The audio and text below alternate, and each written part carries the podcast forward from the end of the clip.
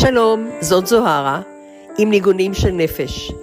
שיחות על נפש, חינוך, מוזיקה, זקנה, חיים, מוות וכל מה שביניהם.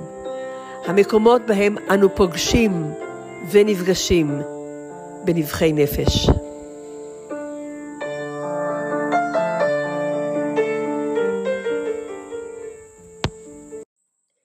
שלום לכולם ויופי שבאתם. היום אני משוחחת עם איריס יוטבת. איריס היא מרצה, מורה ומטפלת לזוגיות ומיניות טנטרית. משנת 1991 היא עוסקת בהעצמה אישית, לידה טבעית וחשיבה חיובית. איריס היא מייסדת דרך אם ודיאדה, מחברת הספרים סוד אישה ואיש השוקולד אשת הוונילה, ויוצרת הדיסק שמעו קולה. תהנו.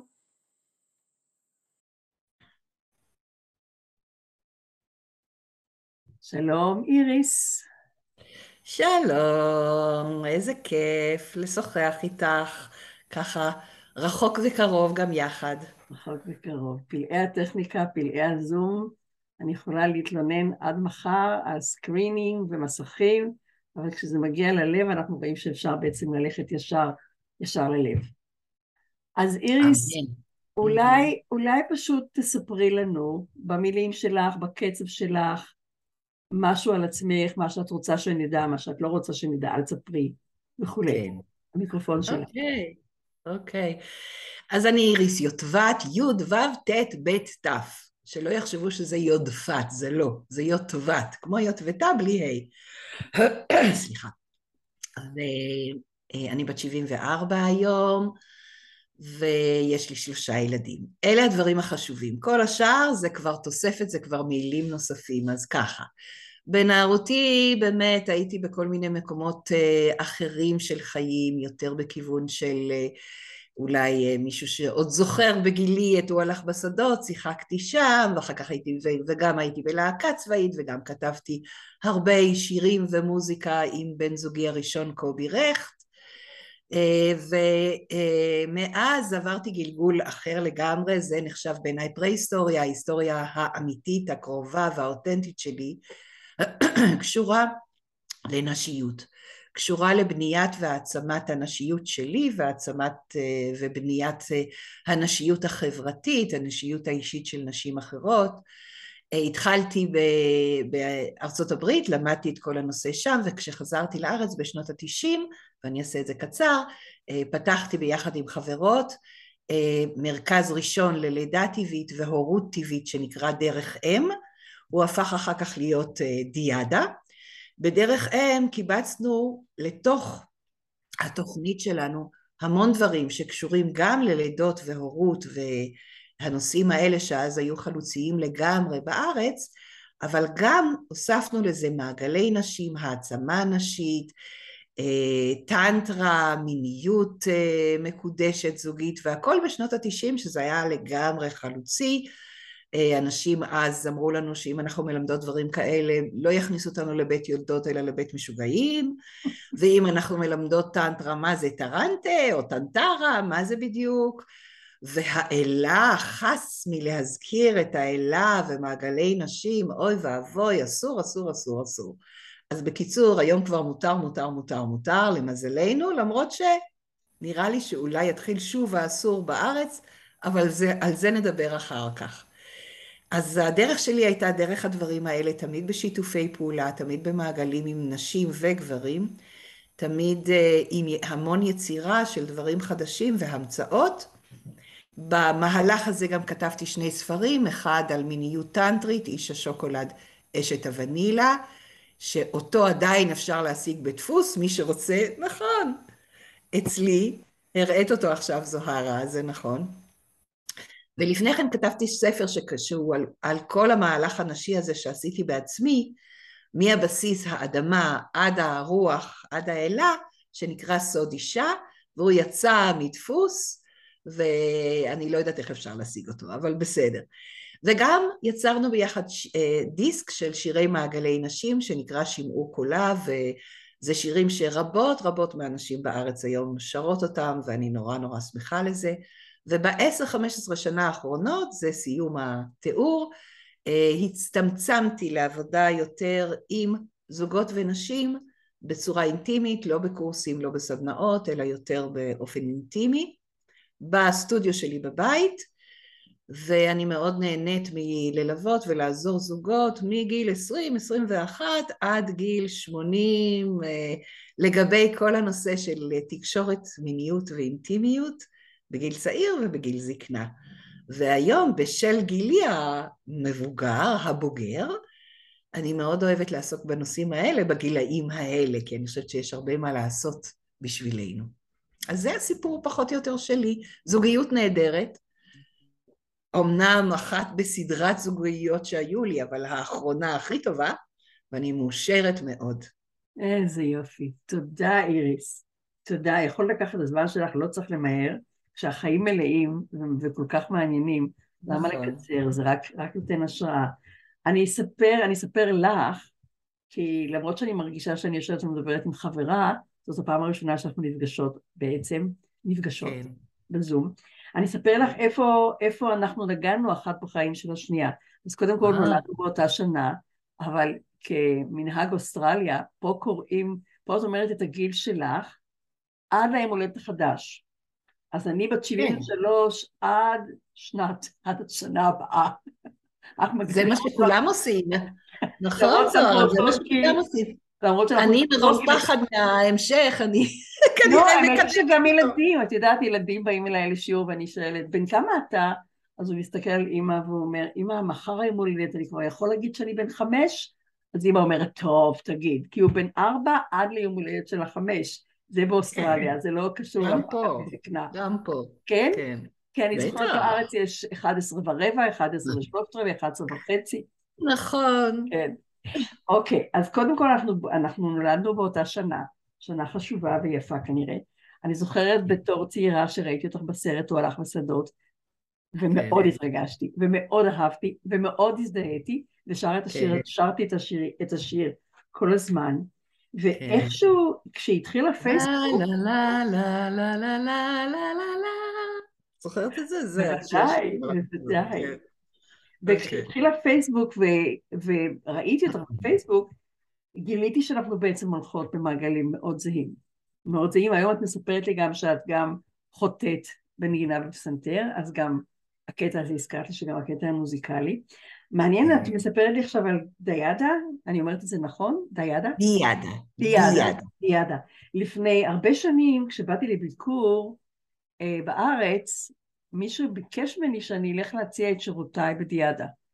כי בין השאר אני גם עושה מוזיקה לנשים בהיריון.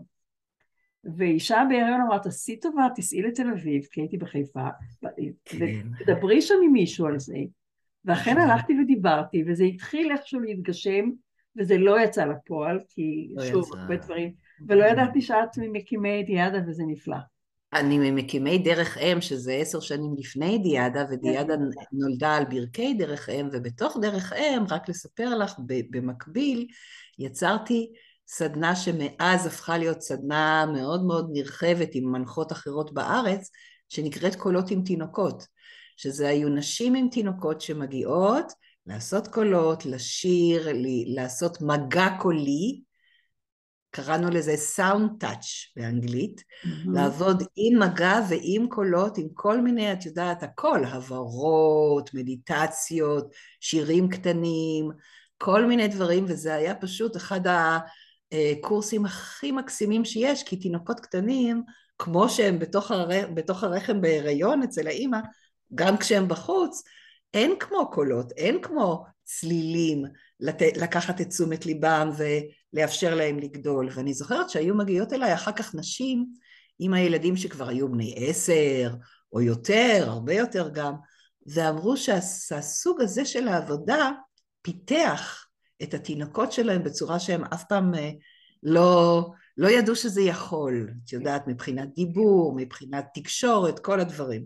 כן. אז זה היה אחד הדברים שהכי נהניתי בהם, והמשכתי לעשות את זה אפילו בקניונים, בקניונים ממש, באזור פתוח ציבורי, יש לי חברה טובה שפעם פעם הייתה תלמידה שלי, עכשיו היא מורה בפני עצמה כבר המון שנים, ששמה גם איריס, איריס זינגר, והיא ממשיכה לעשות את זה עכשיו.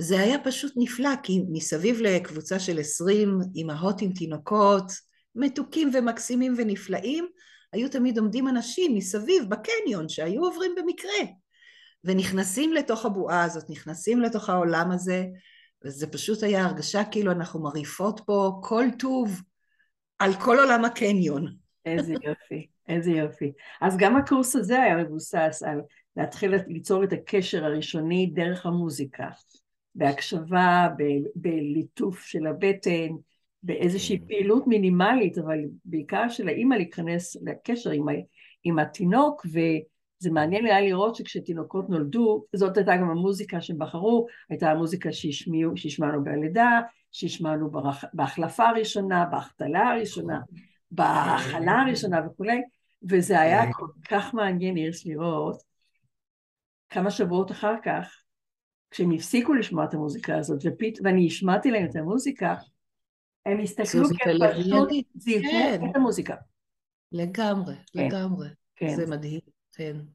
אז זה אנחנו... מה שמראה לנו, את עוסקת בזה גם, זה מה שמראה לנו את הכוח הריפוי הגדול שיש בצלילים, שאת יודעת, עכשיו זה קצת חסר אולי בעולם ובחברה, את העניין הזה של שירה משותפת וצלילים משותפים. עושים את זה, אבל לא מספיק בעיניי.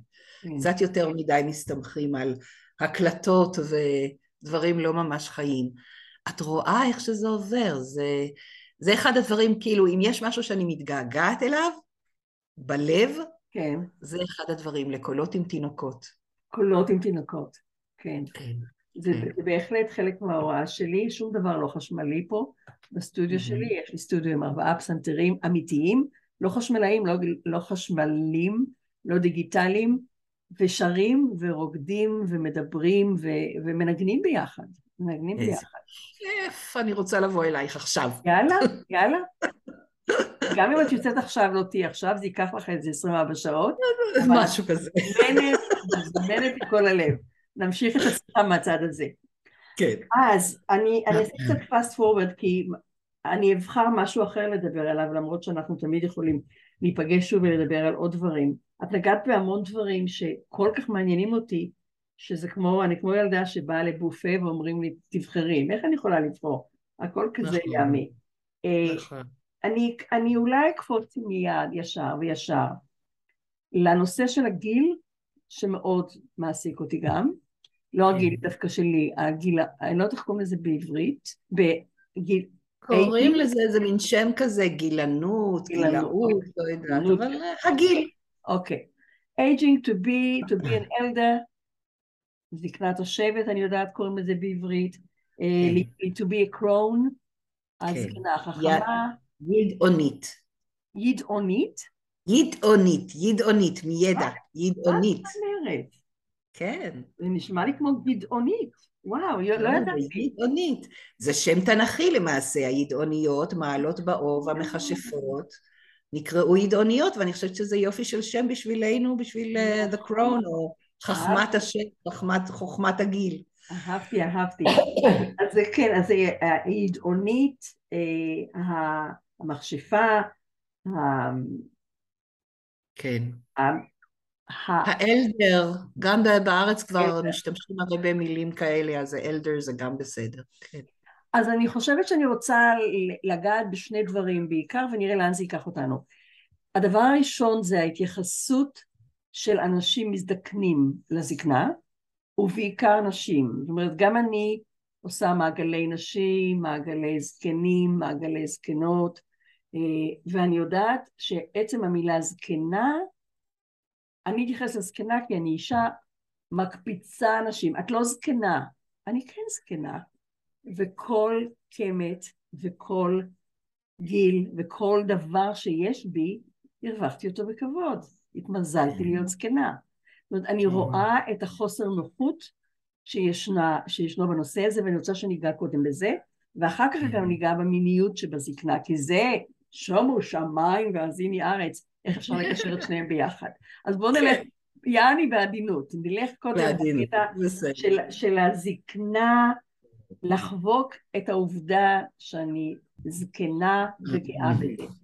ספרי לי איך את רואה את זה. אז זהו, אז בואי נתחיל מזה שבערך בגיל 30 קראתי או שמעתי את סימון סיניורי, את זוכרת את סימון סיניורי? הכתבת הצרפתייה בגילנו בערך יותר מאיתנו. יותר. והיו לה המון קמטים. ושאלו אותה, מה, את לא הולכת לעשות, כבר אז התחילו לעשות מתיחות ועניינים, את לא הולכת לעשות מתיחות, את כוכבת, את צריכה וזה, אז היא אמרה, בשום אופן, כמו שאת אמרת עכשיו זוהרה, כל קמת הוא משהו בחיי, הוא איזשהו תהליך שעברתי, איזשהו רגע שעברתי, איזשהו אירוע, ואני לא מוותרת על אף קמת. וזה נכנס לי בראש אז בגיל 30, שבקושי אז היו לי קמטים, כמו איזושהי מין מנטרה שאני הולכת לאורה להזדקן. אני זוכרת את זה ממש חזק. ואם אנחנו כבר מדברות, הבאתי לנו ספר שירה ש... של חמוטל בר יוסף, שגיליתי אותו לא מזמן, ושיר קצר קצר אני אקריא לך ממנו, ואחר כך אני אקריא לך עוד שיר. טוב? כן. השיר, נקרא ככה, כשאתה מזדקן. כשאתה מזדקן, אתה נהיה זהיר.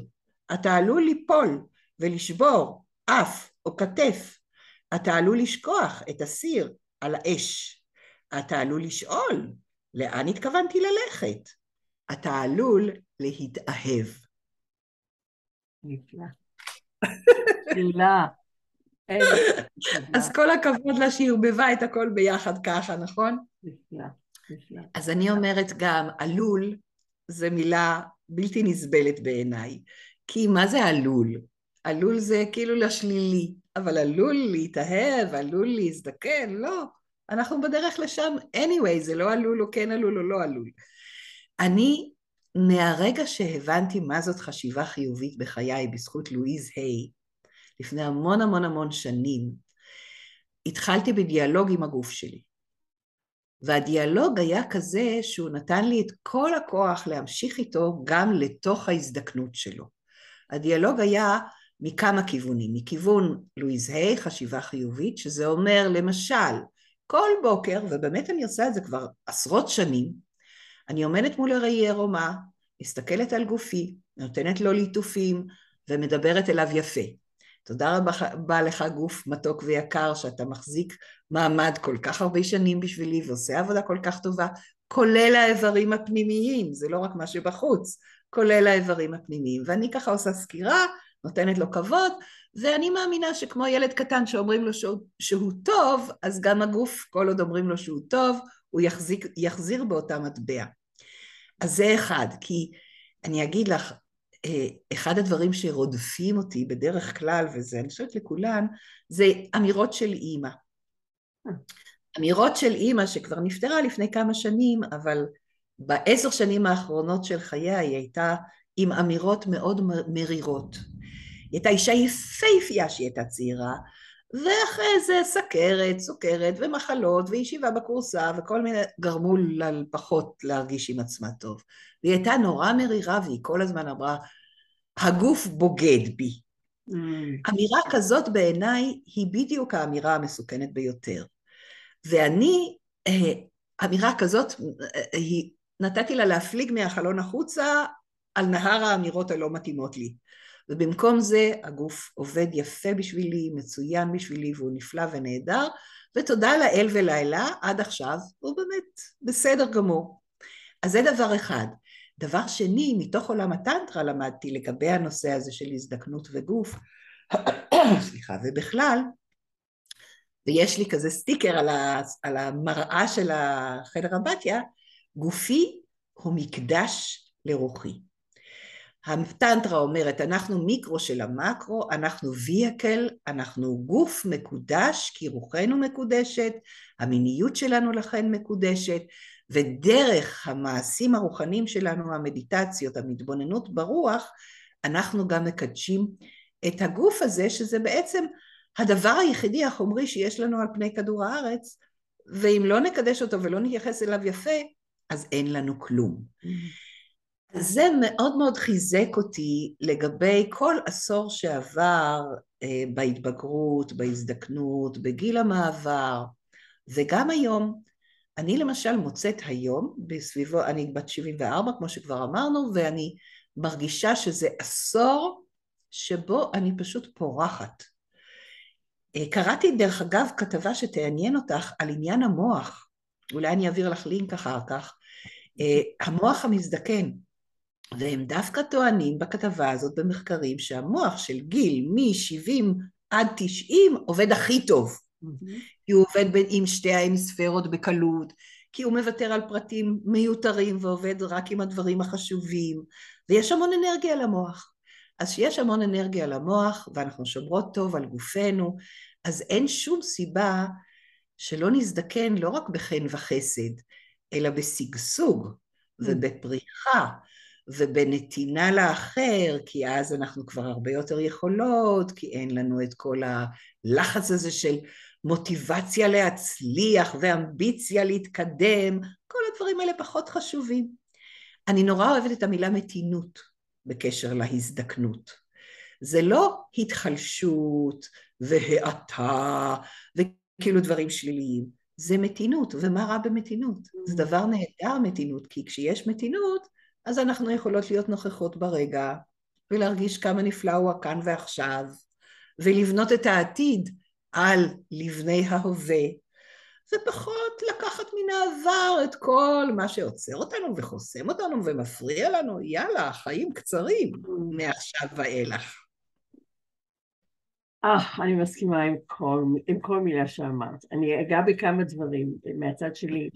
הקטע של הגוף בוגד בי, גם, גם אמי הייתה אומרת את זה הרבה לקראת הסוף, והיה לי עצוב לשמוע, חוץ מכל הקונוטציה של אה, בדור של אימא שלי, וכנראה גם במקום שממנו היא באה, אה, מהארצות שמהם היא באה.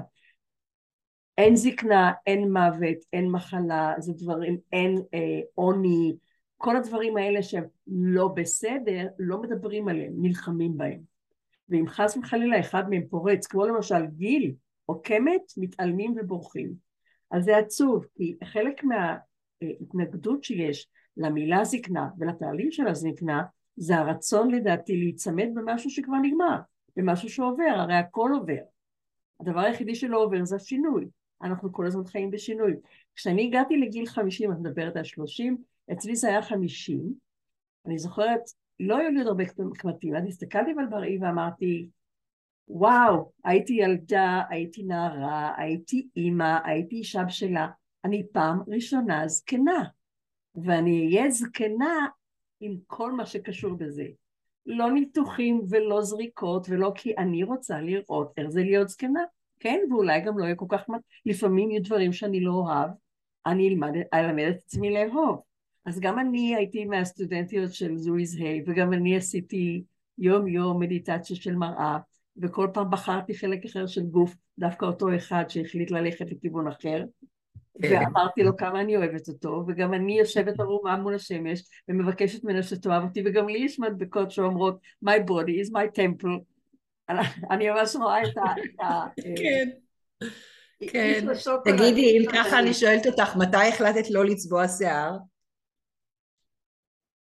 האמת היא שאני לא החלטתי, והווידוי שלי זה שכשאני כשאני כל הזמן הולכת לספרית ואני אומרת, תגידי, יצאו לי כבר שערות לבנות? אז היא אומרת לי, למה את כל כך רוצה? אני אומרת, כי אני מחכה להם.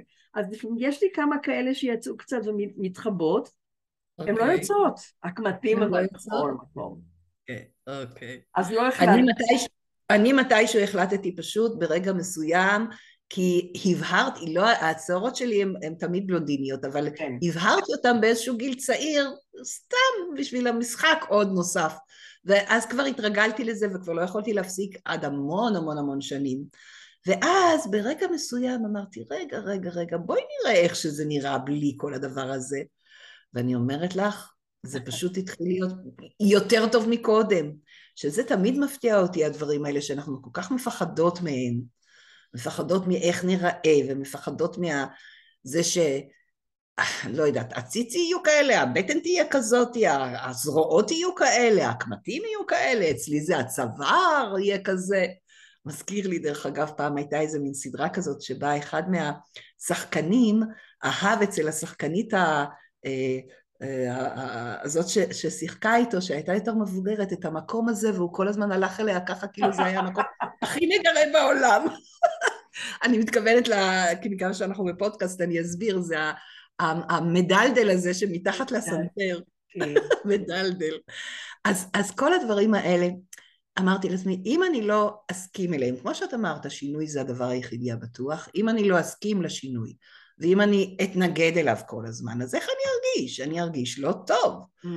ואם אני מסכימה, ואם אני הולכת עם זה ואומרת, טוב, בואי תשפרי קצת פה, פה תרגישי עם זה קצת יותר טוב, כל מיני כאלה, אז בעצם אני אוהבת את עצמי, אני מוכרחה להודות, הרבה יותר עכשיו ממה שאהבתי את, את עצמי בגיל ההתבגרות, שהייתי כולי מתוחה וציצי וטוסיק והכל.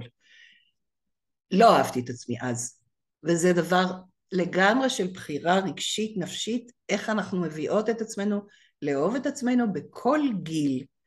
ואני מאמינה ואני יודעת שברגע שאת עושה את זה לעצמך ככה, גם אחרים מתמגנטים לזה. Mm. וגם אוהבים אותך כמו שאת, וגם פתאום אומרים, רגע, גם אני יכול לאהוב את עצמי כמו שאני. אז זה כבר, בעצם זה שאת אוהבת את עצמך, מקבלת את עצמך, מכילה את עצמך, לא נרקיסיסטית, זה לא קשור לנרקיסיזם בכלל, זה קשור למשהו אחר, זה קשור להיות מסונכרנת עם כוחות הטבע. נרקיסיזם זה להתנגד ולהילחם בכוחות הטבע. וכי אני תמיד אשאר צעיר, דמיאן גריי, תמיד יהיה הכי יפה בעולם והכי... וכוחות הטבע אומרים לנו, תסתנכרנו איתנו, יש עונות, יש uh, סתיו חורף אביב קיץ, יש חושך ואור, כל עוד אתם בסנכרון, אתם בריאים וחזקים, וזה ממש מסר שאני למדתי אותו על עצמי, ואני משתדלת להעביר אותו הלאה, אני בטוחה שגם את. Mm. ההליכה עם הזמן, הקבלה של הזמן, המקום הזה של, את קראת לזה, אהבתי, את קראת לזה מתינות. אני, אני, בגלל שפה אני מדברת בעיקר אנגלית, אני קוראת לזה the sweetness in slowing down. להתחיל להאיט, להתחיל לעשות דברים mm. יותר לאט, ואני מטבעי mm. עשיתי דברים מהר והרבה, כי תמיד הייתה לי תאווה גדולה לחיים. אבל כשראיתי שאני בעצם כבר מתחילה לעבוד לא בקצב שלי, אלא עושה קצת מעבר למה שאני צריכה, והתחלתי להאיט, הייתה כזאת מתיקות שבאה עם, ה, עם הלהאיט, עם. מה שאת קוראת מתינות, וזה מעניין, כי ה, אני מרגישה שהחופש שלי לחיות בגיל הזה, זה לחיות עם הבטן בחוץ. כשאני עוברת ליד חלון ראווה, קודם כל אני כבר לא מסתכלת, כי זה לא כל כך מעניין אותי, אני לא, לא מסתכלת על הבבואה שלי, אבל גם אם כן, ואני רואה את הבטן שלי בחוץ, בכיף, זה בטן של זקנה, זה בטן של ידעונית. כל החוכמה נכון. שלי מסתתרת, לא מסתתרת, נכון. נטמנת בבטן שלי. את יודעת, כשאת מסתכלת נכון. פה, יש פה אנשים אבוריג'יניות באוסטרליה, הן כן. יכולות להיות רזות כמו מקל, ומקדימה יש להן בטן. אף אחד לא מנסה להכניס את הבטן, ופעם ראשונה כשהגעתי לפה רק אמרתי, אוי ואבוי לי, כשאני אזדקן גם לי תהיה בטן, כי לימדו אותי שצריך לעשות כל הזמן דיאטה ועוד יותר דיאטה. להחזיק את הבטן אה, צמוד לגב, מה זאת אומרת? יותר, וכמה שיותר, וללבוש בגדים שמסתירים. אין, בלי חזייה ובלי להסתיר ודברים צמודים, וזה הגוף שלי, זה המקדש שלי, ושרק תהיה לי בריא האהוב שלי. זה רק מה שאני רוצה. זהו. אז כל נכון. הקבלה הזאת של השינוי, זה הקבלה בעצם של השינוי. זה לא איזושהי תבנית שהייתה לך בראש, או הייתה לי בראש, או לאימהות שלנו, ומסכנות גם לאימהות שלהן כנראה, ואנחנו כולנו צריכים ללכת בעקבותיהן. לפני כמה ימים כן. הוזמנתי לדבר עם, עם קבוצת נשים, לדבר על, על זקנה, על זקנה של אישה. כן. וכל הנשים ללא יוצא מכלל, וגם היה, הוזמנתי לאיזשהו פודקאסט, והבחור שראיין אותי אמר אותו הדבר. הם כולם שאלו אותי, איפה כל האלדרס? איפה כל האלדריות? אנחנו מחפשים אותם. והיה לי איריס כל כך עצוב לשמוע, כי אמרתי להם, הן טורחות בלברוח מלהיות זקנות. ואני מחזירה עכשיו את זה אלייך, כי אני מרגישה שיש לנו תפקיד גדול אני כבר לא יודעת אם לקרוא להן, להעיר אותן, להעיר אותן באלף, לטרטר אותן, לטלטל אותן. יש לנו תפקיד, ובוא נשמע מה את חושבת. איך? וואו, קודם כל עשית לי ממש הנחת עצב גדולה, כי באמת, אה, אם אנחנו רגע אחד במכונת זמן חוזרות אחורה, כמה מאות שנים אפילו, אפילו לא אלפי שנים, בכל קהילה, בכל כפר, בכל שבט, כמו שאנחנו אומרים היום, תמיד האלדרס היו יושבות, היו יושבות שם, האלדריות, זקנות השבט הידעוניות. עם הבטן בחוץ. מה? עם הבטן בחוץ. כן. בדיוק, עם בטן בחוץ, ציצי בחוץ, הכל בחוץ, ועם בלי שיניים, ועם שערות אה, חצי יש, חצי אין, וכן, כל זה, זה לא משנה. ובאים אליהם גם לשים את הראש בחיקן, שיגידו, בסדר, זה דרמה רק, זה יעבור, וכולי. וגם לשמוע מהם עצה שהם ליקטו כל החיים. וגם uh, לשמוע שזה בסדר להיות זקנה ושזה בסדר להתקרב למוות, שזה גם הנקודה, למה כולם בורחות מהזקנה? פחד מוות. התרבות המערבית הכניסו לנו לראש את פחד המוות, תראי, שגדל מאז הנצרות כמובן, התחלת הנצרות, אבל גדל הרבה יותר במאתיים שנים האחרונות לדעתי. כן. פחד מוות לא נורמלי, גם מסתירים את המתים ואת הגוססים מאיתנו, ואז אנחנו, כמו את הלידה, קח את המוות, מסתירים מאיתנו כדי שלא נראה ולא נהיה קרובות ואז שנראה את זה כבר זה יבהיל אותנו בצורה כל כך נוראית. וגם אומרים לנו טוב טוב טוב טוב טוב לא כדאי לגסוס ולמות ולהרגיש את הדרך הזאת כדאי לא להרגיש אותה. אז קחו מורפיום על כל רגע ורגע. אז נכון כשכואב זה כואב אבל אם לא כואב למה צריך להיטשטש ולא במקום זה להבין שזה עוד חלק מחיינו זה לא שאני, אני למשל לא בן אדם כל כך מיסטי מבחינת העולם הבא. אין לי מושג מה יהיה. כשהייתי ילדה קטנה אמרתי, אנחנו טיפה, והטיפה תתאחד אחר כך עם הים הגדול. זה מה שאמרתי לעצמי, ועד היום אני מאמינה בזה ככה. אז אין לי בעיה, אני הולכת כבר, קניתי לעצמי את השריפה של עצמי, כי אני רוצה להיות אה, אפר שיתחבר בחזרה לאדמה ולא יתפוס מקום. אז אין לי פחד יש לי חשש וחרד, כי לא חרדה, אלא הרגשה של אולי אני ארגיש נורא לא טוב, וכל הסיפור הזה, אני לא רוצה להיות לנטל, כל הדברים האלה, ש... אבל בסוף כולם נעשים לנטל. אז צריך גם לקבל את זה, שאנחנו נהיה לפעמים לנטל על הצעירים מאיתנו. אז מה?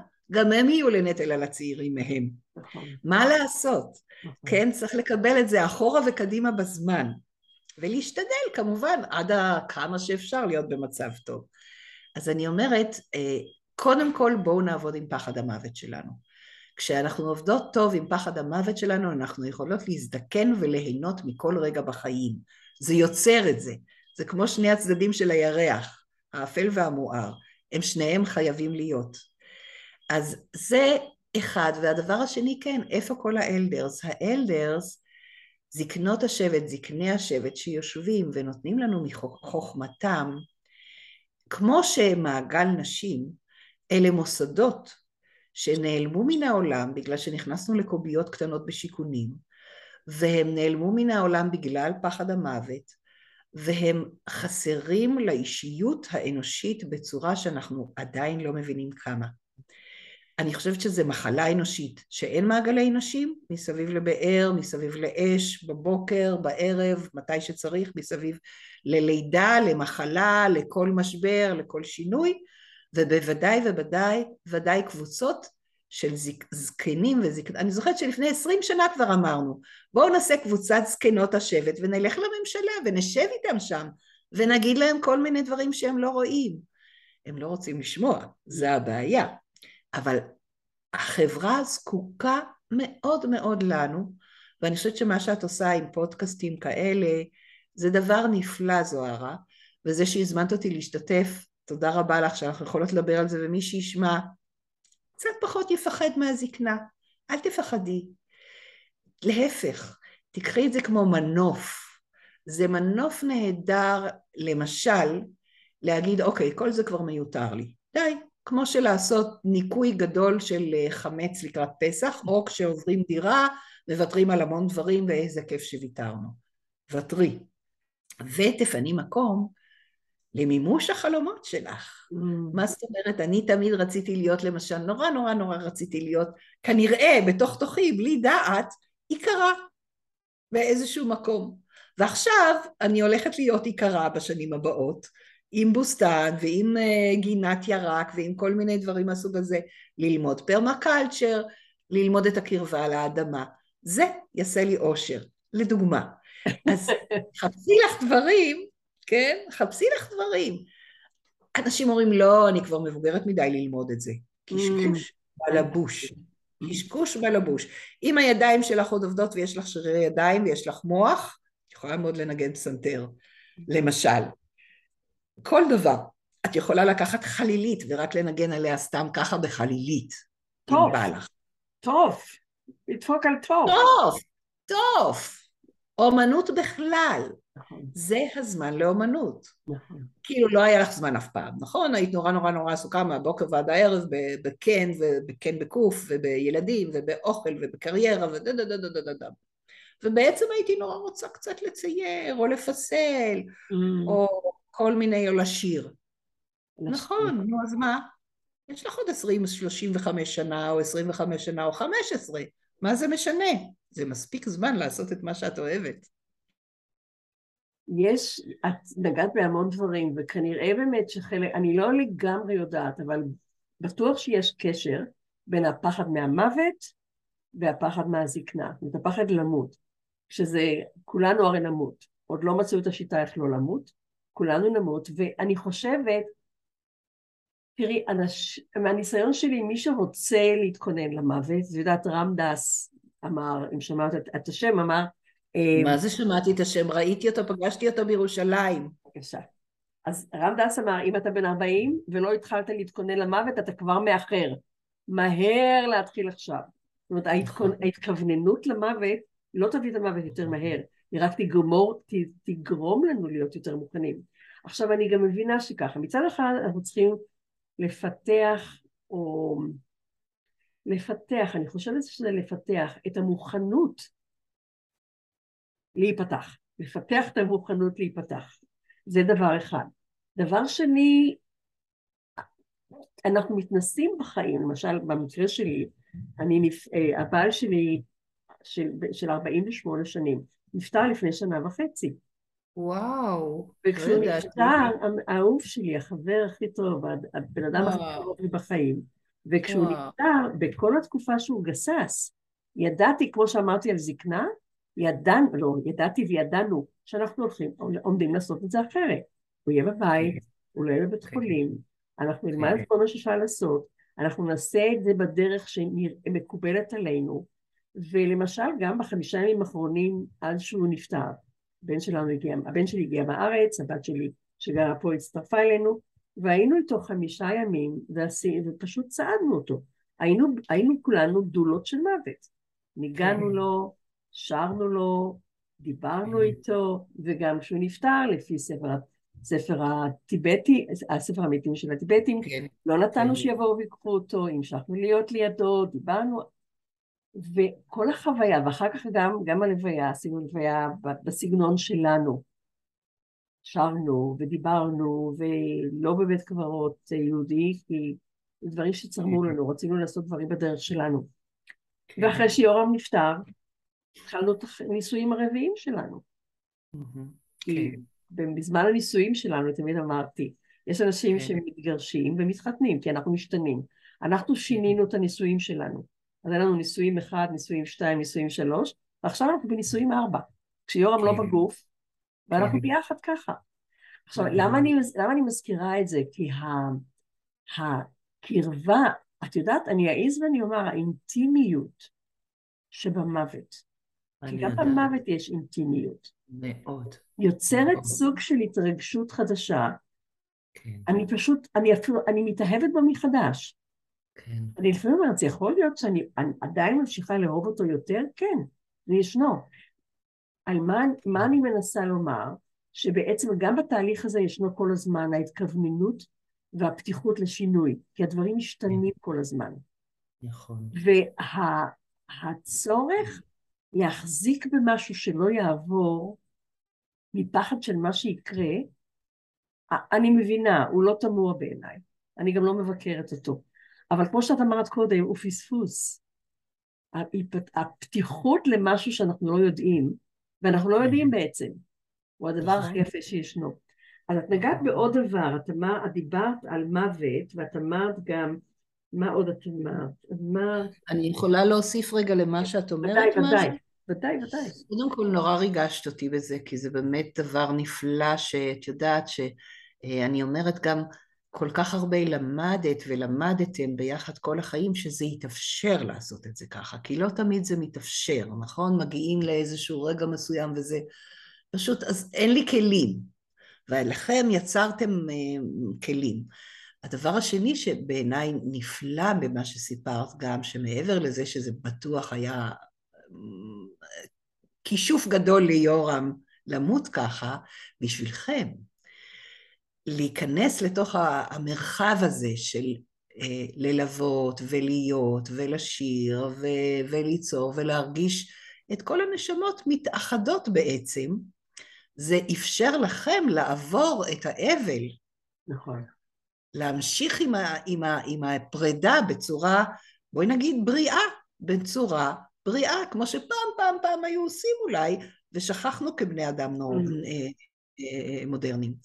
אז אני נורא מודה לך על, ה, על הדבר הזה, אני חושבת שהוא בעל משמעות אדירה, אדירה. אני ניסיתי לעשות את זה עם הוריי, הם לא היו בדיוק בשלים ומוכנים לזה.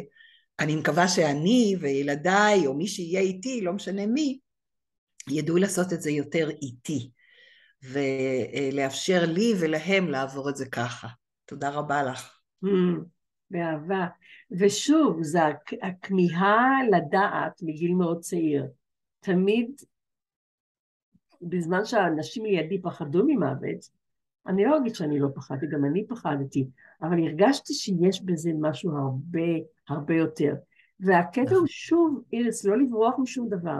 השנה, כן. בשנה שעברה, בשנה וחצי שעברו, החודשים הראשונים היו גיהנום. הכאב של הניתוק היה בלתי ניתן לשאת. אבל לא ברחתי ממנו, לא ניסיתי להשקיע את עצמי בעבודה, לקחתי לעצמי את הזמן שלי ונכנסתי לתוך הכאב עד הסוף. רוב הזמן הייתי גם לבד, כי בני היה צריך לחזור לישראל, ובתי הייתה צריכה לחזור, היא לא גרה באותה מדינה, אז נכון שהיינו בקשר כל הזמן בזום, כל יום, כל יום, אבל חלק גדול זה ליצור לעצמי את המרחב של הזהות כן. החדשה. כן. אני זוכרת ששאלתי את עצמי, רגע, איזה אלמנה אני עכשיו? אני כבר כן. לא אשתך, אני אלמנה. אני אלמנה עליזה, אני אלמנה עצובה, ואז אמרתי, רגע, רגע, רגע, רגע, מי אמר שאני צריכה לקרוא לעצמי אלמנה? אני נכון. מתחילה עכשיו שלב אחר. איך הוא? אני לא יודעת, ניתן לו לצמוח. אז תודה, תודה על, מה שאת, על מה שאת מחזירה, זה, זה, זה מאוד מרגש אותי. אני הולכת... אני רוצה עוד מילה על הנושא של הזקנה והלידה וכל הנושאים שאנחנו נוגעות בהם. לפני הרבה שנים שמעתי הרצאה בסידני של איזבלה ינדה, וזה היה בעקבות הספר שהיא כתבה פאולה על בתה שנפטרה, היא סעדה אותה בזמן המחלה, והיא סיפרה, היא ישבה עם קבוצה גדולה של נשים ואמרה, אני מקווה שתבינו את מה שאני הולכת להגיד לכם, אבל אני אגיד בכל מקרה, זה חשוב לי. כשבתי ילדה, הייתי בלידה. חזקתי לה את היד, צעדתי אותה. כשהיא מתה, ישבתי לידה, זה היה בדיוק אותו הדבר.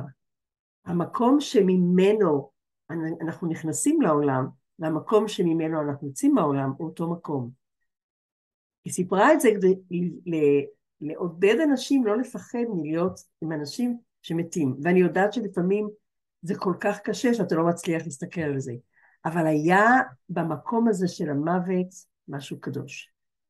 אין ספק, אין ספק. בחוויות שליוויתי, שהייתי ליד אה, אנשים שמתים, גם הוריי, אבל גם אה, בת אחותי הצעירה שמתה מסרטן בגיל 30, אז כן, התחושה הזאת המוזרה ביותר, שמשהו באוויר קורה, ושנהיה עם זה, פשוט נהיה עם זה, וזה הולך איתי, זה מעניין כי זה האדם היחידי, קוראים לה אילי.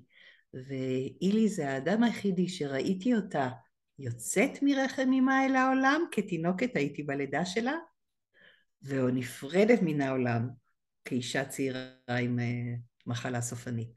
אז mm. זה הבן אדם היחידי שזכותי הגדולה הייתה לחוות את שני הדברים האלה, כמו שהיא סיפרה בדיוק איזבלה ינדל, לא בדיוק אותו דבר, אבל דומה לזה, אז ובאמת הרגעים האלה, אמ, אני חושבת שזה שיש להם כזה כוח להישאר לנו בזיכרון ובמוח ולהיות כל כך ויביד, זה אומר משהו.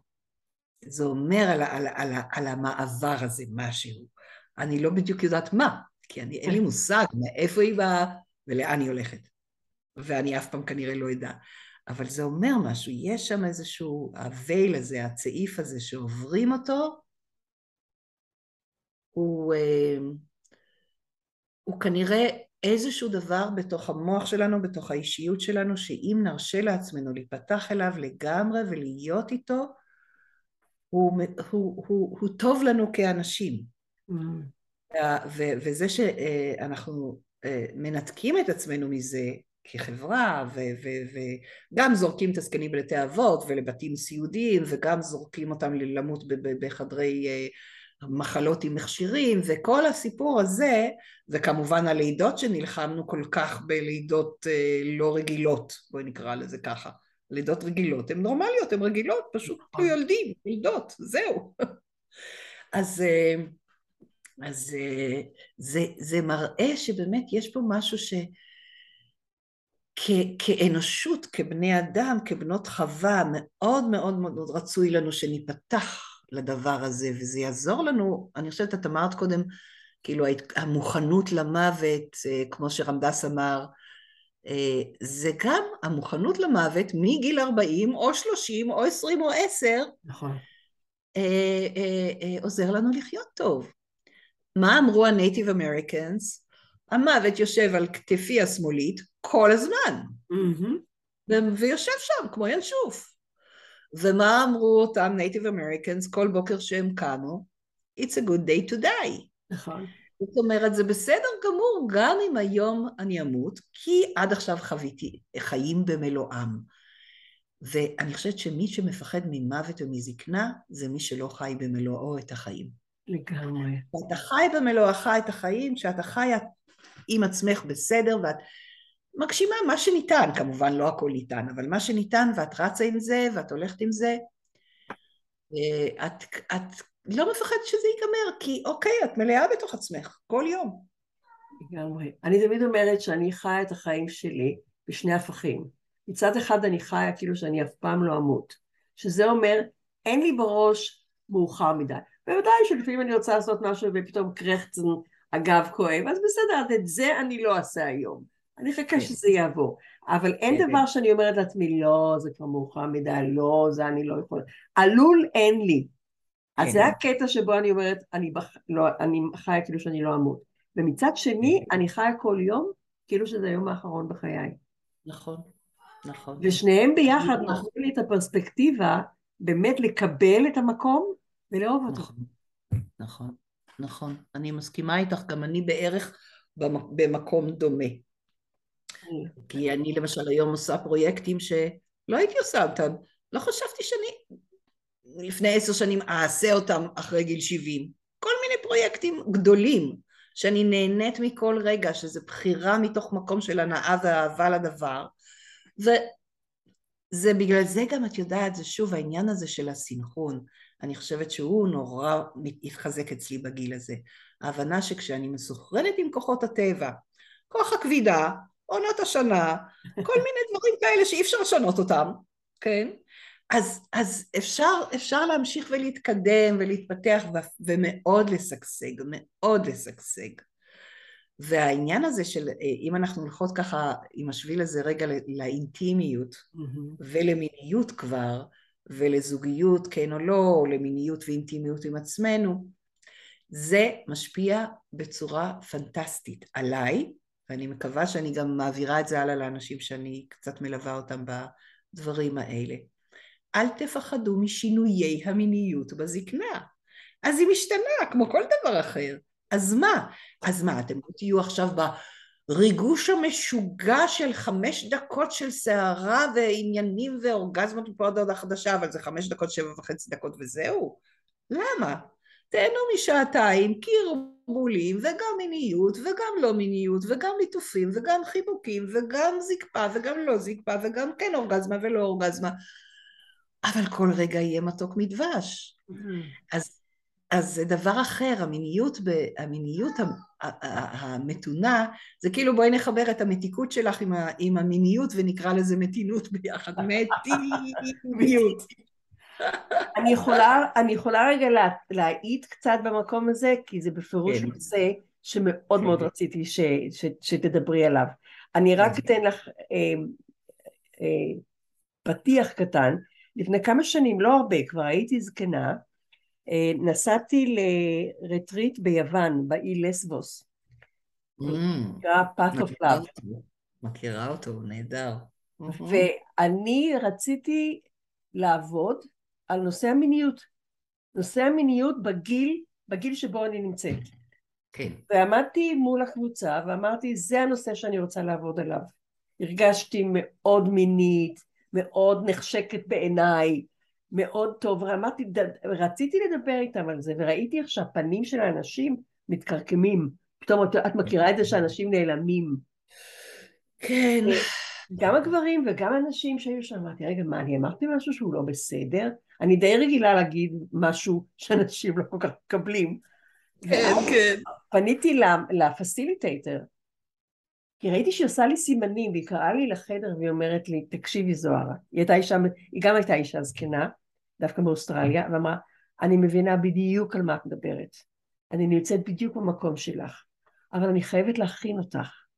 האנשים עדיין לא מוכנים לדבר על מיניות בגיל מבוגר. ואז אמרתי לה, אבל אני מה, אני רוצה לדבר על זה, מה, אני אחכה עד שאני אמות? אני עכשיו מזדקנת.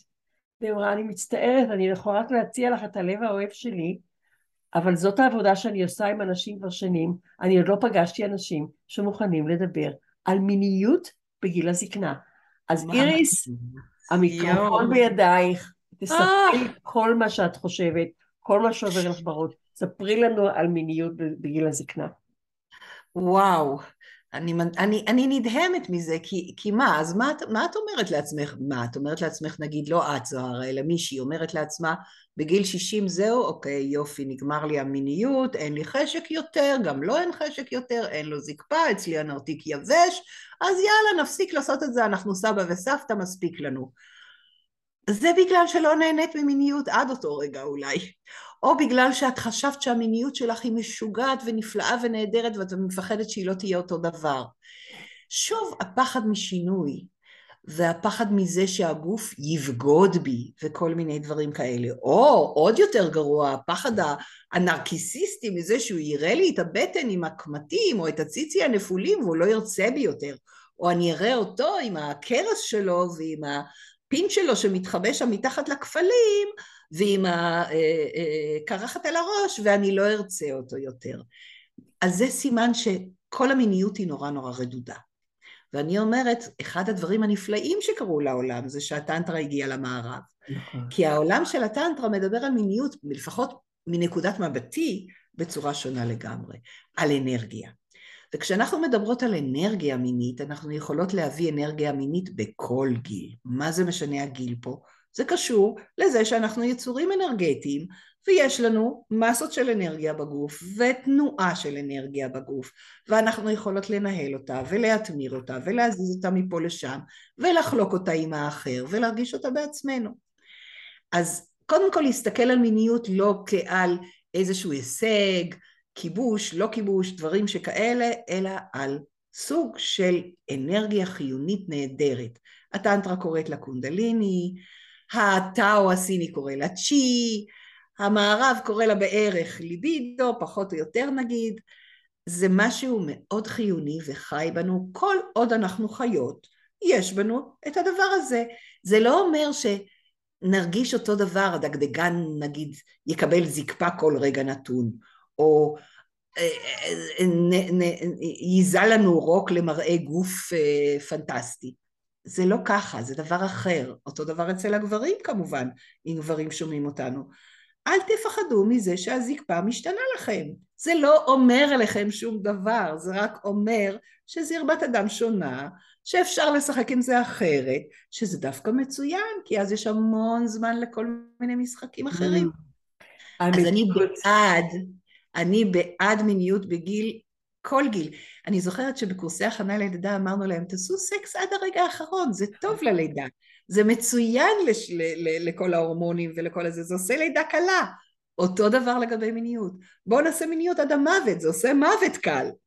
אז אני אומרת כן, כן למיניות, כן להסכמה, בלי פחד שהיא משתנה. וזה אני יודעת במיניות האישית שלי, הזוגית שלי, היא משתנה. אז אנחנו בהתחלה קצת נבהלים מזה, ואז אנחנו אומרים, רגע, זה משתנה, בואו נמצא בזה את הדברים הטובים, יאללה, איזה כיף, דווקא אפשר ככה ואפשר ככה. אפשר להיות אמיתיים. כי אני יודעת על נשים, זה בטוח, ואנחנו יודעות את זה שתינו עם כל מעגלי הנשים ועם כל העבודה עם נשים, כמה מסתירות, mm. כמה, אני אקרא לזה מזייפות, אולי לא מזייפות אורגזמה, אבל מזייפות חשק. כן. או אומרות, טוב, אני אעשה את זה בשבילו עכשיו, אבל בעצם אין לי חשק. למה אין לי חשק? כי בפעם שעברה שעשית אהבה זה לא היה לך כל כך כיף, כי לא היית אמיתית, כי לא נתת לעצמך להיות משוחררת, תהיי כזאת, יהיה לך חשק לפעם הבאה, זה כל כך פשוט הדבר הזה. אל תחפשי את זה דווקא באנטומיה או בפיזיולוגיה, תחפשי את זה יותר בהתנהגות, את יודעת? כן. מיניות זה התנהגות. אז אני אומרת, שלא תוותרי בשום אופן. נכון, יש גיל המעבר, והרבה נשים סובלות. למה הן סובלות מגיל המעבר? שוב, התנגדות לשינוי. נכון. שוב, קריירה ולחצים מסביב שלא נותנים לנוח. כמו שהיינו תמיד אומרות, יש לך וסת, מותר לך לקחת יום יומיים ולנוח עם הווסת הזאת. זה חשוב. אותו דבר עם גיל המעבר, אותו דבר עם כל שינוי שאנחנו עושות. הלחץ החברתי, הכלכלי, האנושי שמסביבנו הוא לחץ, את יודעת, פוליטי. Mm. ואנחנו צריכות לי, לזה להתנגד ולהגיד לא, אני חיה בקצב שלי, אמיתי יותר, זה לא אומר שזה יהיה שינוי אדיר בקצב שלך, אבל זה יהיה שינוי, וזה יעזור לך בכל תחום. אני רואה את זה על עצמי, ברגע שאני נותנת לעצמי את הזמן הזה, עם עצמי, לתת למיניות להיות בדיוק כמו שהיא, לא לחשוב שאני לא בסדר כי כך וכך וכך, או הוא לא בסדר כי כך וכך וכך. שטויות במיץ, באמת. וזה יוצר גם שלוות נפש, ומה כמו שלוות נפש להזדקנות חשובה? Mm. נורא חשובה. זה יוצר שלוות נפש, זה יוצר בריאות גוף. אני רוצה פה להגיד לאנשים בסוד, תדעו לכם, שאם אתם מיד עם גיל המעבר ממשיכות במיניות, ממשיכות לאהוב את הנרתיק ואת הפוט ואת הדגדגן ואת האיברים הפנימיים ולתת להם חיבה וכבוד ועיקר וקדושה, וממשיכות, אם צריך להיעזר קצת בדברים כמו, אה, אני יודעת מה, דברים טבעיים שעוזרים קצת לנרתיק, לעולם לא יהיה לכם נרתיק יבש וכואב, וזה אני, הבטחה שלי אישית, כך לי זה, אני יכולה רק להגיד ממקום אמיתי שלי. אז זה אומר משהו, זה אומר שיש לנו מה לעשות עם זה, שלא צריך להיכנע ולהגיד, טוב, אז אני כבר זקנה ואני לא אעשה כבר כלום, ואיפה הכיף, ואיפה התענוג. אז, אז אני אומרת, בסדר, אז את לא צריכה להיות במדידות האלה ובחשבונות האלה של אני חייבת לעשות סקס פעמיים שלוש בשבוע, כי אחרת זה, לא, זה אומר עליי משהו לא בסדר. מה? אז אם זה יהיה פעם בשבועיים, אז מה? אבל זה יהיה נפלא ונהדר שאת תתגעגעי לפעם הבאה כבר, וכבר תסתכלי על האהוב שלך, או על האהובה שלך, לא משנה, בעיניים רוטטות, וכבר יהיה תדר של אירוטיקה ביניכם. רק זה מחיה נפשות וגוף. אז אני, את שומעת שאני מתלהבת, כי אני כן. יודעת שזה נכון, אני יודעת שזה נכון, ואני מדברת את זה עם, עם, עם מי שרק מוכן לשמוע. אל תוותרי, יש לי חברות שמוותרות. כי הם לא מצאו את החיבור המתאים, כי הם לא מצאו את הגבר המתאים, כי הם לא רוצות ללכת למין בלי אהבה. נכון, אני מבינה את כל זה. אבל מצד שני, את תגיעי בעוד עשר, עשרים שנה לרגע בזמן שתגידי, מה? אני שלושים שנה לא עשיתי אהבה כבר? מה זה? מה קרה לי? למה? וגם איריס... מתינות זה גם פשרות. וגם, אני רק רוצה עוד לפתוח, אני תכף אתייחס למה שאת אמרת, אהבתי מאוד. גם מיניות זה לאו דווקא דבר ביצוע שעושים עם בן זוג. מיניות זה צורת חיים, מיניות זה דבר שגם אם אין לך בן זוג, או אין לך בן זוג, אתה יכול להפרות את המיניות שלך. הרי מיניות זה דרך של חיים, מיניות כמו שאת אמרת זה ליבידו, זה השמחת חיים, זה התאוות חיים. לחיות בצורה מינית לא קשור בכלל, לא חייב להיות קשור לבן הזוג. ועוד משהו שזה מאוד מעניין, כי אני, אני מסכימה איתך לגמרי על הנושא של הטנטרה, ו... אמ, כי זה, דיברת על אנרגיה, זאת אומרת, מין זה לא ביצועים. נכון. מין זה דרך חיים. נכון. הקטע של הטנטרה, אני מאוד אהבתי את מה שאת אמרת. נכון. אני שואלת את עצמי, את יודעת כשאת אמרת על נשים שהן מזייפות. שהן עושות דברים שהן נגד אה, מה שהן רוצות, כן. חלק גדול ועצוב מזה זה שלנשים מעט מאוד נשים לוקחות ריבונות על החיים שלהם. ריבונות על הגוף שלהם. נכון. אני חושבת שמזה זה בא. ואני רוצה להוסיף עוד משהו, איריס, ומעניין אותי איך את רואה את זה. נכון. הנושא של לפחד מלהזדקן, זה, אני מרגישה שהחברה שלנו, החברה המערבית, אולי גם לא מערבית, לא כן. פיתחה את היכולת לראות את היופי שבזקנה. כי זקנה נכון. מתקשרת עם משהו מכוער. זקנה נכון. זה מכוער. אני יודעת שכשדיברתי למשל, כשהייתי ברטריט הזה ודיברתי על מיניות בגיל כן. זקנה, כל כן. האנשים הצעירים שם עשו, אוי זה מגעיל, מיניות בגיל זקנה? אז אמרתי, מה, אתם לא רואים את היופי שבזקנה? לא, זה כל נפש. שהביא, עשה, שהביא לי המון עצב, כי הבנתי שהזקנה, השם הנרדף שלה זה כעור. בטח, גועל, גועל הוא כיעור, כן, כל הדברים. אני חושבת שזה גם... זה גם נובע מזה ש, ש, שאת יודעת, כילד קשה לנו לדמיין את אבא ואמא מזדיינים. אז זה אותו דבר בערך, נראה לי. משהו כזה, מה, אני כן. יכולתי לדמיין את זה, יכולתי לדמיין, אבל זה תמיד היה לי כזה, רגע, מה קורה פה? אז כאילו, אני חושבת שזה גם נובע מזה, אבל כן, את צודקת לגמרי. לפעמים שרואים ככה, מתפרסמות תמונות של אה, זוגות, הייתה פעם איזו סדרה שמישהו צילם תמונות של זוגות, אני חושבת שהולנדי, להולנדים יש את כן, התעוזה כן. הזאת תמיד. כן. אז אה, אה, תמונות של זוגות מבוגרים במעשה האהבה שלהם. ורואים את כל הכפלים ואת כל הזה, ואת הטוסיק הנפול ואת הזה ואת הזה וזה וזה וזה. וזה שחור לבן, שזה נורא עוזר. ואז אני הסתכלתי על זה ואמרתי, רגע, מה מכוער פה בעצם? אני מנסה למצוא את הכיור ואני לא מוצאת את הכיור. זה משהו מאוד מאוד נעים ויפה לראות, וגם בעיקר נובע מזה הכיף שלהם. נכון. כי, כי, כי זה אחד הדברים, אבל אני רוצה לחזור למה שאמרת לגבי מיניות אישית, כן? כן. לא, לאו דווקא עם בן זוג או בת זוג. כן. מיניות הרי זה טבע, נכון? מיניות נכון. ישנה בכל טבע, מה, בין פרחים, בין עצים, בין חיות, בין הכל. וכן, יש בזה את העניין של, אה, בואי נגיד, אני לא הייתי מוותרת בעצמי, למשל על מגע של הזולת. אני כן זקוקה לזה, okay. וזה קשור למיניות. זאת אומרת, ללטף את עצמי ולחבק את עצמי, זה יופי וטוב, אבל אני גם הייתי רוצה להתמסר למגע של מישהו אחר, שאוהב אותי ומכיר אותי וככה.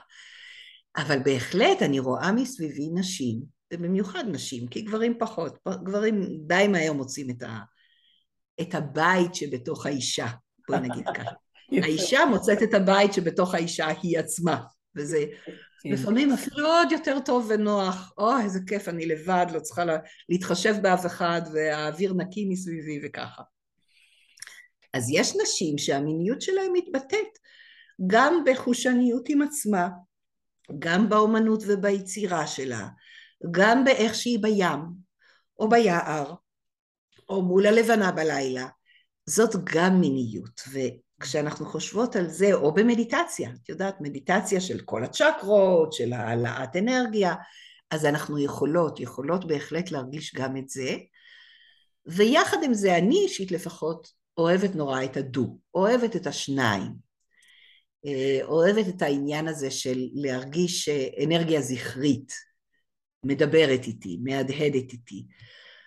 לא לכולם, זה, לא, לא, לא כולם צריכות את זה, וכמו שאצלך אולי יש לך את זה באמת עם יורם, כמו שהוא, איפה שהוא, ככה. וזה בסדר. לא חושב, ואני גם לא חושבת שזה, או אני לא רואה את זה כבחירה, אני נכון. רק אומרת שכשאת אומרת שנשים אומרות לא, אני כבר זקנה, אני לא אמצא, עד שתמצאי, תהיי כן. במיניות שלך, זה לא, לא צריך לבחור. ואני גם מאמינה שככל שאנחנו חיים בדרך המינית העצמית שלנו, אנחנו מביאים את זה גם יותר לזוגיות שלנו. אני בהחלט מסכימה שזה ה ultimate. זאת אומרת, לעשות מיניות של יופי ואנרגיה ואהבה עם בן זוג או בת זוג, מה שזה לא יהיה, זה, זה, זה באמת המקודשות של החיים, אני מסכימה כן. לגמרי. כן. אנחנו חוזרים שוב לנושא של אהבה בעצם, של אהבה כן, עצמית. נכון. ברגע שיש לנו אהבה עצמית ואנחנו יכולים לאהוב את השינויים שבנו, את ההזדקנות נכון. שבנו, את הגוף נכון. שמשתנה, כן. גם המיניות שלנו משתנה. נכון. נכון. והלוואי ואנשים לא... את יודעת, יש פלוסים, יש פלוסים גדולים להזדקנות. למשל, אם אנחנו לא רואות כל כך טוב בלי משקפיים, נוריד עם משקפיים ולא נראה את הקמטים של נכון. הכוסים. פשוט מאוד. זה נורא קל. יש אביזרי עזר שאפשר פשוט להוריד אותם. נהדר. כמו שכשאני רוחצת את הכלים בלי משקפיים, הם נורא נקיים. אז באים אלייך בטענות שהם לא נקיים, בדיוק. כן, לגמרי. אני חושבת שהמון דברים שאנחנו כביכול מאבדים בזקנה הם בעצם רווח. כשאנחנו נכון. שומעים פחות טוב, מי צריך לשמוע את כל הקשקושים שבחוץ? כל כך רעש שיש בחוץ. בדיוק. אותו דבר בעיניים, אנחנו יכולים לראות פחות טוב, מי צריך את הפרטים? אנחנו רואות הרבה יותר טוב מבפנים, אני לגמרי מסכימה איתך. לגמרי. איריס, לא שאלתי אותך, את, איפה את נמצאת? את חיה בארץ? אני כרגע חיה גם וגם.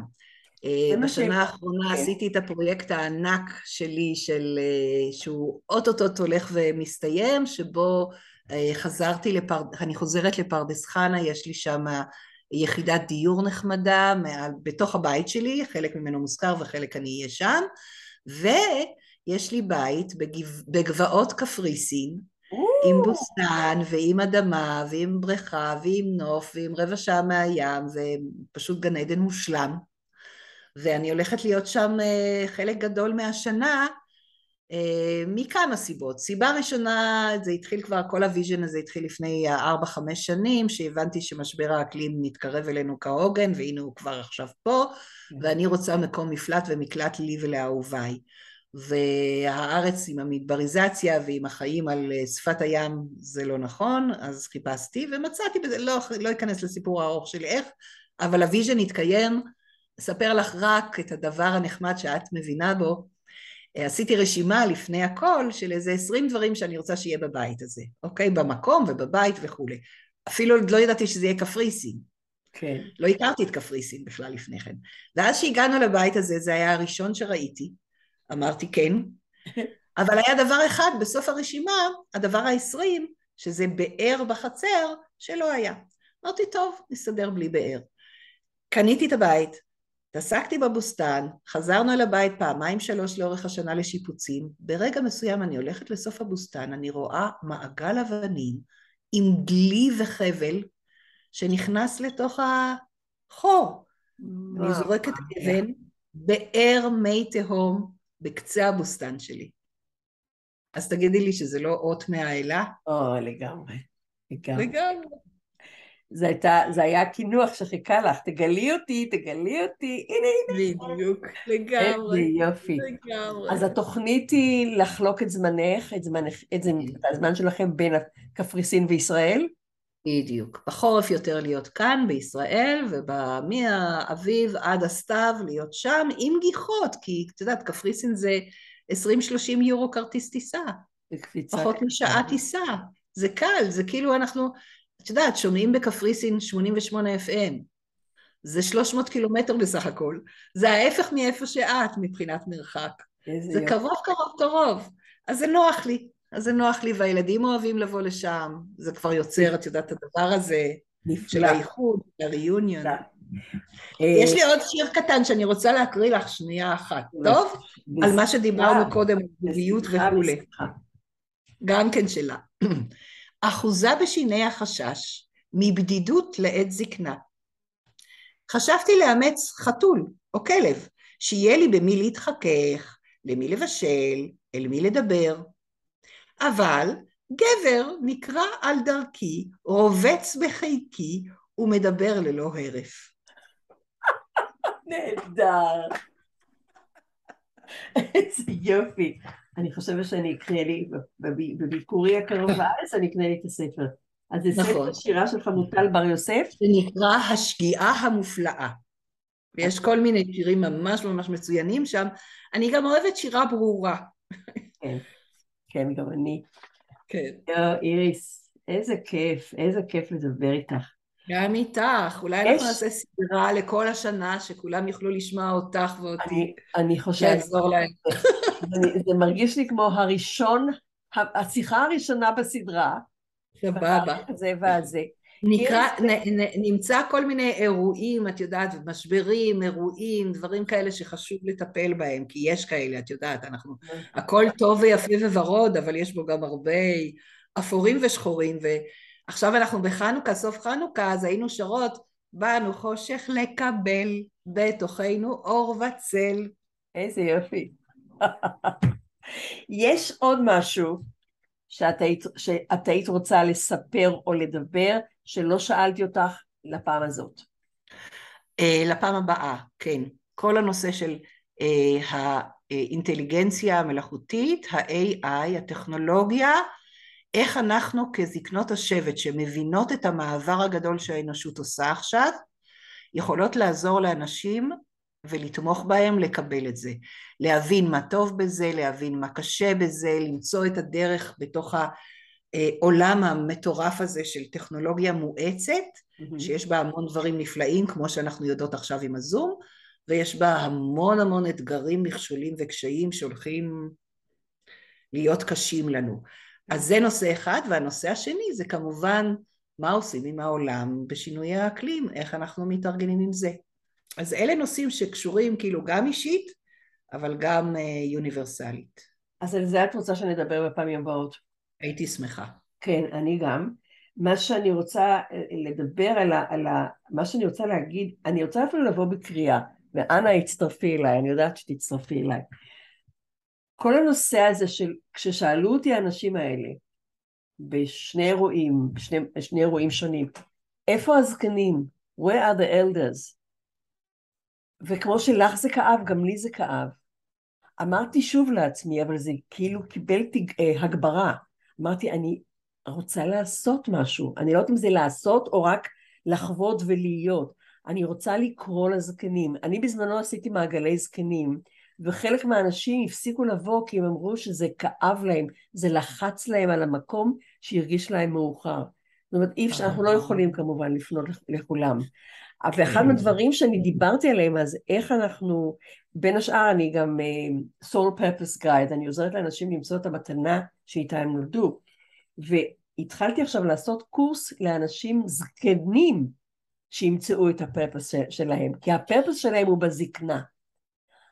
נפלא, יש... נפלא זוהר, זה כל כך חשוב ונפלא, כן. בואי נעבוד על זה איריס, ובואי נתחיל להחזיק את זה בלב, כן. ולקרוא לכל הזקנים והזקנות שמקשיבים לנו עכשיו, מקשיבים כן. ומקשיבות לנו עכשיו, יצטרפו כן. אלינו באיזושהי דרך שהיא. כן. כי כל מה שאת אמרת על ה-AI ועל השינויי אקלים, העולם זקוק לאלדרס, אנחנו מסכימות עם זה. בדיוק, לגמרי, לגמרי, לגמרי. ואל תחשבי זקנה יקרה, לא זוהרה, אל כל זקנה שמקשיבה לנו, אל זקן יקר, שאין לך מה לתרום. את לא תאמיני כמה יש לך מה לתרום, אפילו רק בלשוחח ככה בזום איתנו ועם אחרים. המון המון המון המון. מניסיון חיים, אין כמו ניסיון חיים בעיניי. אז אני מרגישה, איריס, שאנחנו עכשיו מתחבקות, מחזיקות ידיים, מחזיקות ידיים לכל הזקנים והזקנות שרוצים להצטרף אלינו. אנחנו יושבים במעגל וירטואלי מסביב לאש, כן. והוגים משהו ביחד. כן, כן. איריס, המון תודה לך.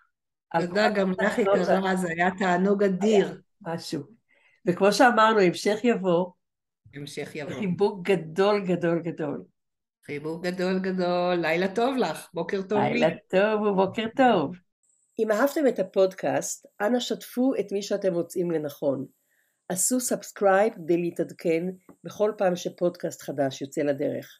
השאירו תגובות והוסיפו כוכבים. ואם חשקה נפשכם לעזור לנו כדי שנוכל להמשיך לא להשתמש בפרסומות ופרסומים, נשמח על כל תרומה, קטנה כגדולה. תמצאו את הקישור לפייפל. תודה שבאתם ותודה שהקשבתם.